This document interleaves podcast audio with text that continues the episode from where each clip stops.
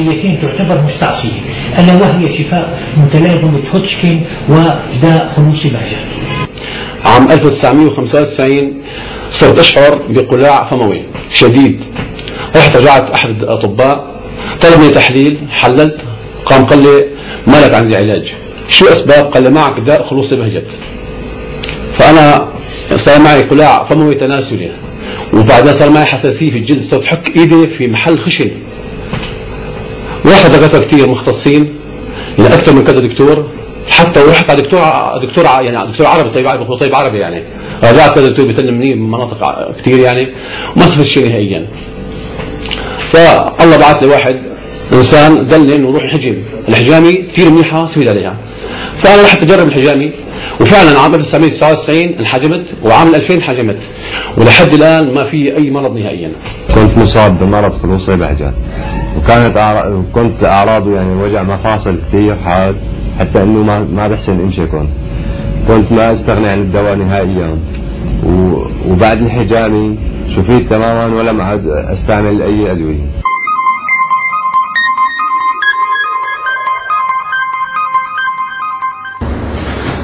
أما بالنسبة للشقيقة وهو وجع الرأس القاتل بالنسبة لبعض المصابين بها والذين ظلوا سنوات آه، لا يجدون دواء لمرضهم فحينما أجريت عليهم آه، التشطيب في عملية الحجامة وحينما بدأ الدم الفاسد يسيل خارجا كانوا يشعرون بأن المرض يهبط من الرأس إلى العروق ويذهب مع آه، ذهاب هذا الدم الضخر أنا معي مرض شقيقة مزمن وكنت وصل معي للإقياء والهجمات كانت تدوم معي أحيانا 15 يوم و20 يوم. يعني وقت تجيني هجمة الشقيقة أنا ما بعرف إنه مريض الشقيقة بيعرف هذا الشيء إنه ما بيعرف طعم النوم إذا أجته الهجمة الأساسية يعرف حتى كانت عملية الهجمة اللي تجيني تكون إسعافية. يعني زور المستشفى أحيانا باليوم بالليلة تجيني فيها الكريزة زور المستشفى مرتين بالليلة الواحدة. فبعد الحجامة الأخيرة يعني أنا كان الدواء ما بينسحب من من بيتي وحتى من جيبتي. الأدوية المسكنة وصلت حتى للفستان عشرة. والحمد لله بعد الحجامة الثانية لاحظت تحسن جيد جدا. يعني من مدة ثلاث سنوات بلش يبين معي آلام شقيقة وصداع. يعني ما كان يروح أول شيء على مسكنات. إن كان وطنية أو أجنبية ما كانت تروح. فحتى بالنهاية كان صداع يعني لا يحتمل. يعني ما كان يروح إلا على أبر مسكن قوية. وتمت الحالة شي سنتين. وبعد سنتين التقينا بأحد الأصدقاء فنصحني إنه أعمل الحجامة. عملنا حجامة وبعد الحجامة يعني بعد 15 يوم تقريبا بلشت الآثار تبين. يعني لحد الآن من شي سنة لحد الآن ما أخذت أي حبة مسكن. الحجامة ثبت بطرق علمية موثوقة تماما لأنها من الأعمال المفيدة لصحة الإنسان. وهي تفيد في تخفيف حدة الأمراض أو بعض الأمراض بشكل كثير واضح. من هذه الأمراض وعلى رأسها الشقيقة والصداع.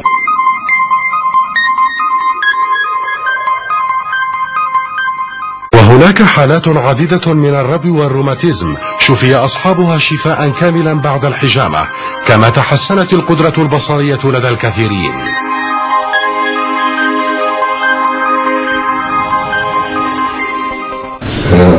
أشكو من سعال تحسسي. يبكي كل سنة مرة في وقت الربيع سعال مزعج ما نفعه لا أدوية ولا شيء. فأولادي سمعوا بالحجامة ودعوني يا رحت أنا وزوجتي وأولادي. عملنا عملية حجامة. من فضل الله كله زال وصار شفاء سريع. وكنت أعاني أيضا من آلام بالركب وشيء من الروماتيز كمان الحمد لله حصل شفاء في هذا العمل. معي روماتيزم دائما صغير بمفاصل. فهي الحمد لله كلها ارتحت منها كنت آخذ مسكنات قوية حتى أقدر أمشي. فالحمد لله بعد ما عملت الحجامة بإذنه تعالى ارتحت منها الألام كلها.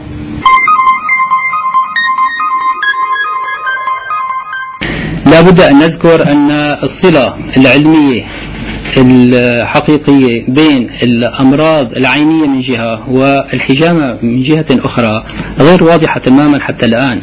ولهذا قام فريق طبي حقيقة أخذ أكثر من اتجاه في مختلف الفروع والاختصاصات وقام وما زال يتابع الدراسة لمختلف الأمراض ومختلف الاتجاهات.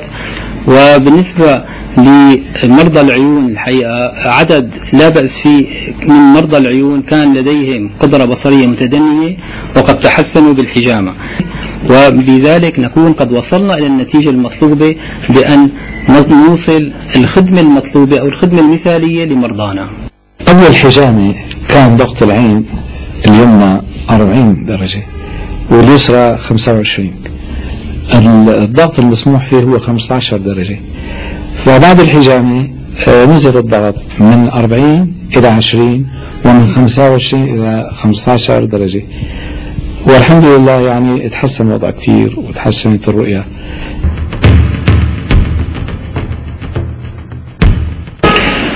وربما يتساءل البعض عن ماهية الحجام أو ماهية السر الذي يكمن في الحجام هذه العملية الجراحية البسيطة التي تتصدى لأمراض مستعصية آه، أعيت أساطين الطب الحديث. ولكننا في نظرة بسيطة إلى آلية حركة الجهاز الدموي نستطيع أن نتبين فائدة الحجام ونعلم تماما فائدتها. إن جهاز الدم ذلك العالم الواسع بوظائفه وأركانه وأهدافه إنه سير الحياة وشريانها فهو يؤمن الاتصال مع كافة الأعضاء ويزودها بالوقود ويأخذ منها الفضلات ويؤمن لها المناعة والدفاع.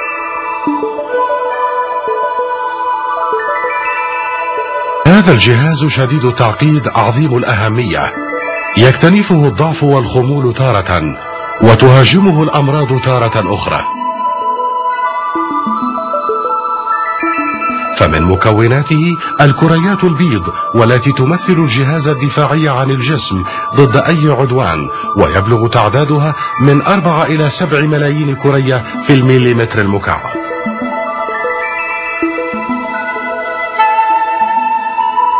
ومن مكونات الدم أيضا الكريات الحمر والتي يبلغ تعدادها حوالي خمسة ملايين كرية في المليمتر المكعب.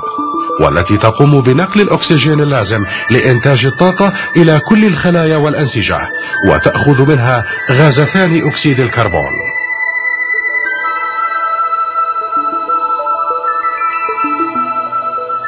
إن الكريات الحمر تولد في نقل العظام لتنتقل إلى الدم وتبقى قائمة على أداء وظيفتها 120 يوما تبدأ فتية قوية.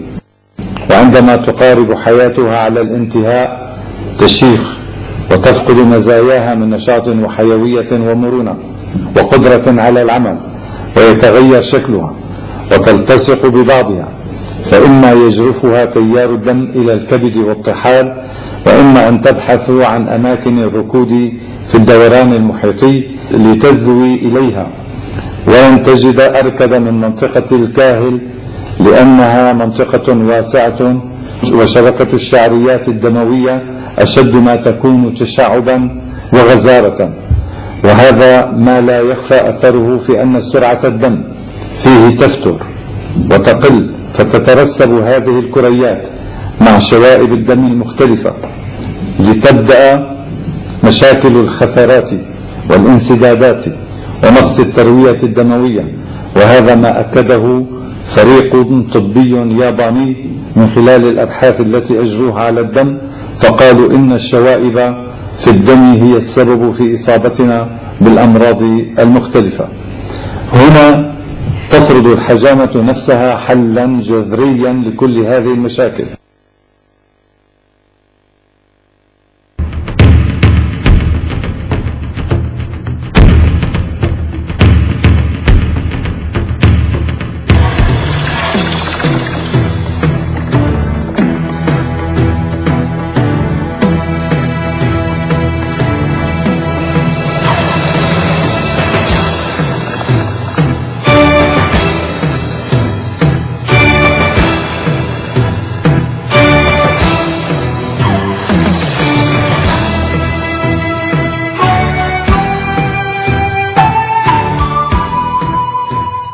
وبالإضافة للحالات المرضية العديدة التي لوحظت فيها حالات شفاء شبه تامة مثل حالات أمراض القلب حالات الشقيقة حالات السرطان والشلل.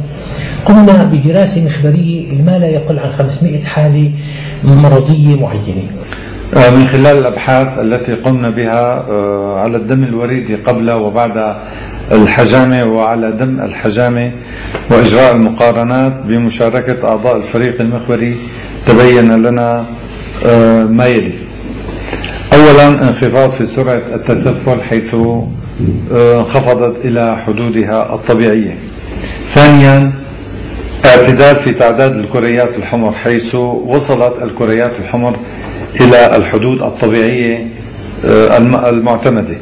ثالثا هبوط خضاب الدم إلى الحدود الطبيعية في الحالات التي يكون فيها آه، زيادة في عدد الكريات الحمر أو ما يسمى بإحمرار الدم.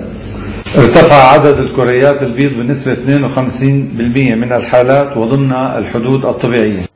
ارتفع عدد الصفيحات إلى الحدود الطبيعية في 100% من الحالات في حالات نقص الصفيحات عن الحدود الطبيعية فيها.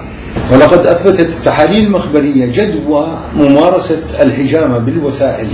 المتطورة المتقدمة الحديثة وباستخدام التقنيات المتطورة للتحاليل المخبرية وممارستها بالشكل الصحيح والدقيق إمكانية إعادة هذه القيم الطبيعية إلى آه، أصلها.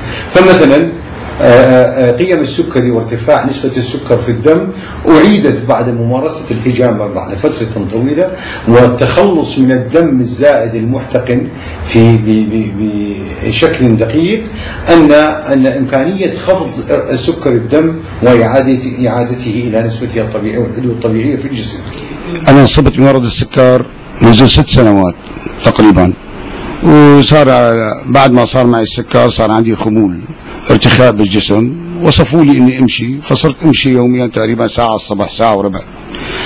أثناء المسير صار معي بصير معي وجع ببلطات رجلي وسفل قدمي وبصير معي ألم.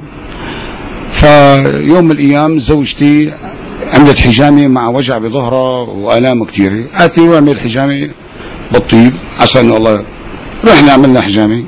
وقت عملت الحجامة أنا بالنسبة لي بعد يومين ثلاثة صرت امشي صار معي فرق كثير ما بقى في وجع برجلي ما بقى في آه، ببلطات رجلي وجع. بالاورده ما بقى في وجع. وصرت امشي بشكل جيد. يعني رجعت حيوية ونشاط. يعني بتعرف اللي معه مرض سكر بصير معه ضعف جنسي. بصراحة يعني. إنما بعد ما أنا عملت الحجامة بإذن الله طبت ورجعت شباب وحيوية. رجعت يعني أنا عمري 55 هلأ بعتبر حالي ب 35 من النتائج الباهرة التي ظهرت لدينا من خلال تطبيق عملية الحجامة على الكثير من الأمراض التي وقف الطب أمامها عاجزا وحائرا. كل هذه النتائج أثبتتها التحاليل المخبرية المختلفة التي قام بها فريقنا الطبي المخبري. وأهم هذه النتائج المخبرية يمكن أن نلخصها على الشكل التالي. أولا هناك انخفاض في نسبة خميرة ال SGPT في الدم عند 80% من المرضى المصابين بالتهاب الكبد.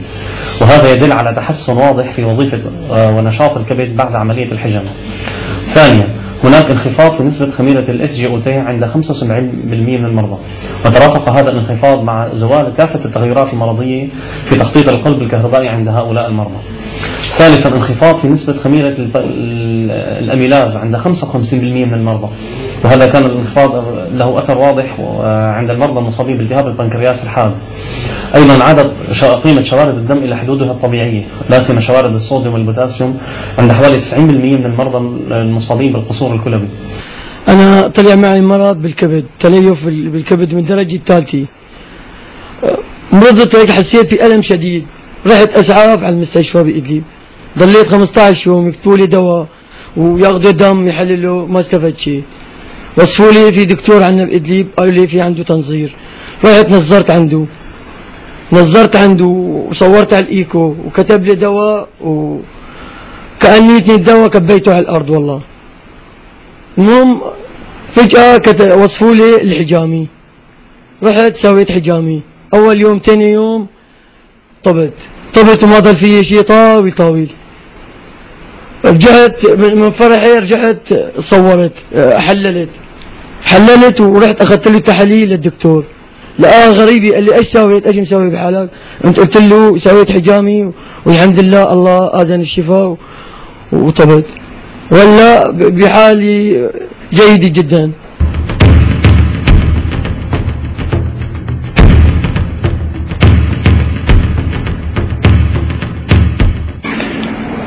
سأستعرض عليكم نتائج النتائج المخبرية التي حصلنا عليها آه، بفحص آه، دم الحجامة. وقد تبين آه، من هذه الفحوص ما يلي. أولا كانت أشكال الكريات الحمر في دم الحجامة غير طبيعية باستمرار.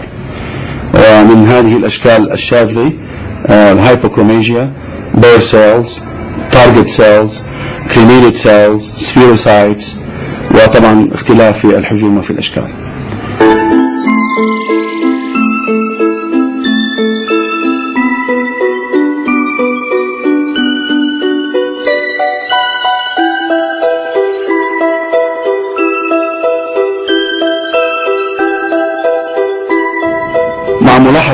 عينات الدم كانت تؤخذ من شقوق الحجام مباشرة. قبل وضع كؤوس الحجامة لئلا يؤثر ضغط الكاسات على شكل الكريات. ثانيا لاحظنا أن هنالك انخفاض كبير جدا في عدد الكريات البيض في دم الحجامة وذلك في جميع حالات التي التي درسناها.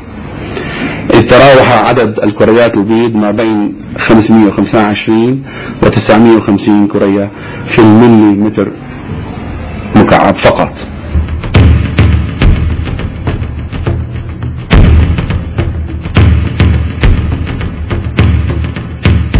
إذا عند توافر شروط عملية الحجام السابقة الذكر يمكن إجراؤها وهي بسيطة إلى درجة أنه يمكن لأي شخص مختص أن يتعلمها. وتطبق وتطبيق هذه العملية لا يستغرق أكثر من ثلث ساعة.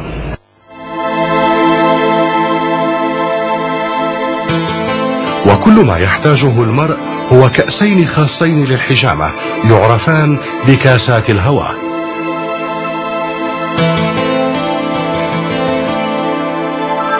بداية يتم لصق الكأسين في موقعهما المحدد عبر وضع ورقة صغيرة مشتعلة داخل كل منهما. على أن تبقى الكأس في مكانها مدة ثلاث دقائق ثم تعاد الكرة مرتين إضافيتين مباشرة على كل جانب.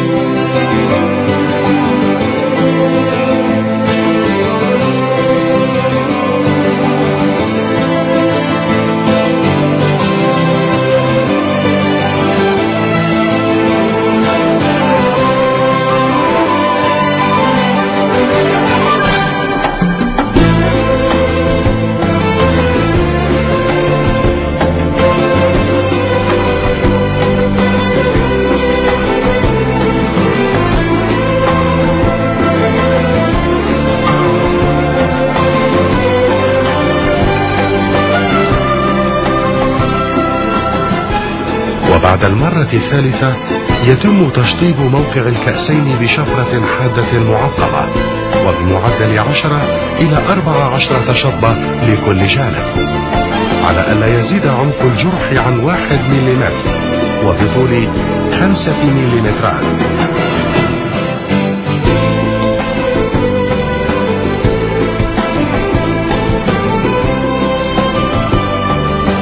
ثم توضع الكأسين بالأسلوب السابق ذاته فوق المنطقة المشطبة لتبدأ بذلك عملية سحب الدماء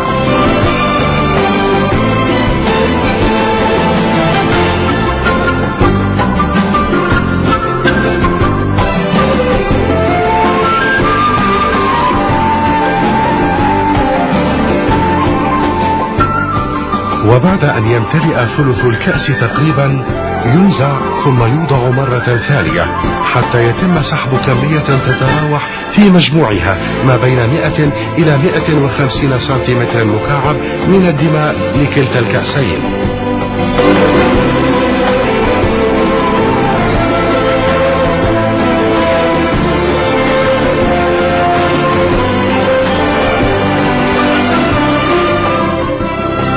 كان الشخص يجري العملية للمرة الأولى في حياته فيتم سحب الدماء مرتين بعد التشطيب. أما في السنوات التالية فيمكن تكرار العملية ثلاث أو أربع مرات في الجلسة الواحدة. كما يمكن إجراء العملية مرتين في السنة على أن تكون المرة الثانية في الشهر التالي.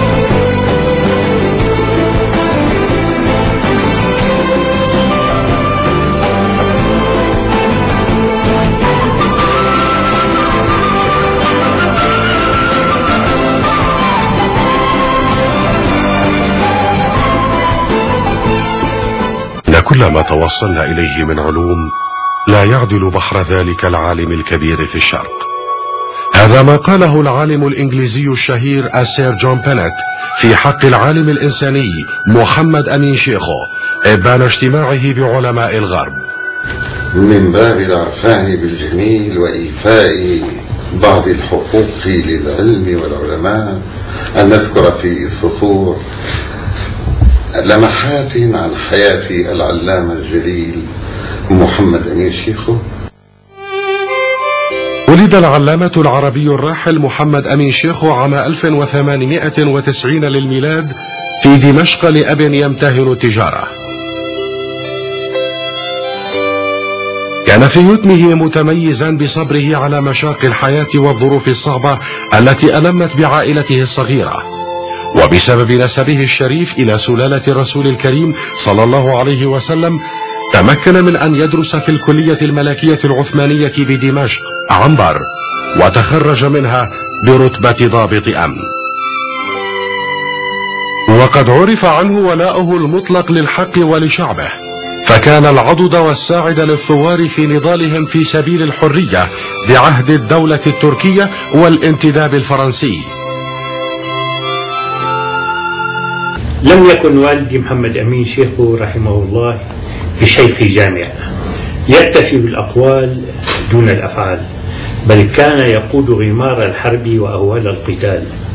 يدك معاقل الإجرام دكا ويضع روحه على كفه الشريفة ليحيل خوف الشام أمنا ويهد عروش الظلم هدا في عهد الاستعمار التركي. وليقضي على المنكرات فيقيم العدالة والحق والسلام في ربوع الشام. إلى أن أشرقت شمس الاستقلال فانصرف إلى الجهاد الأكبر والبحث العلمي في سبيل تنوير العقول ومحاربة الجهل والظلام والجدل العقيم الذي أقام في عقول الناس فجوة كبرى بينهم وبين ربهم.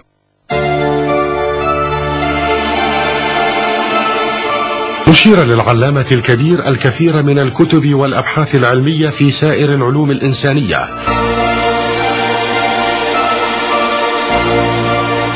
وعلى رأسها الدواء العجيب وهو مرجعنا الأول في بحثنا العلمي الحجامة.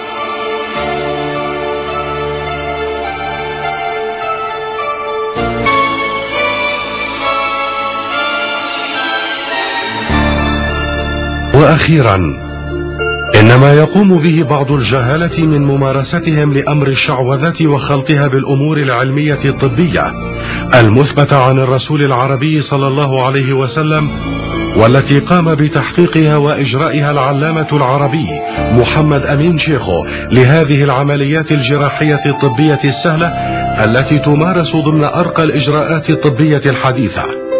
والتي شهد بها أساطير الطب في هذا القرن من الحضارة العتيدة. تدعونا للتبرؤ من تلك الممارسات لعملية الحجامة والتي يشوه هؤلاء حقيقتها السامية ونفعها العظيم للإنسانية نتيجة تجرؤهم على القيام بمثل تلك العمليات بطرق تؤدي إلى ضرر الناس والطعن بالطب بأرقى مستوياته. لذا فحقيقة هذه العملية وسلامة تطبيقها والشفاء الذي بهر كبار الأطباء لأمراض عديدة هي السبيل السليم والقويم لإجراء هذه العملية بما يحفظ صحة المواطنين وسلامتهم وعدم التلاعب بحياتهم الغالية في إطار الجهل والشعوذة والابتزاز.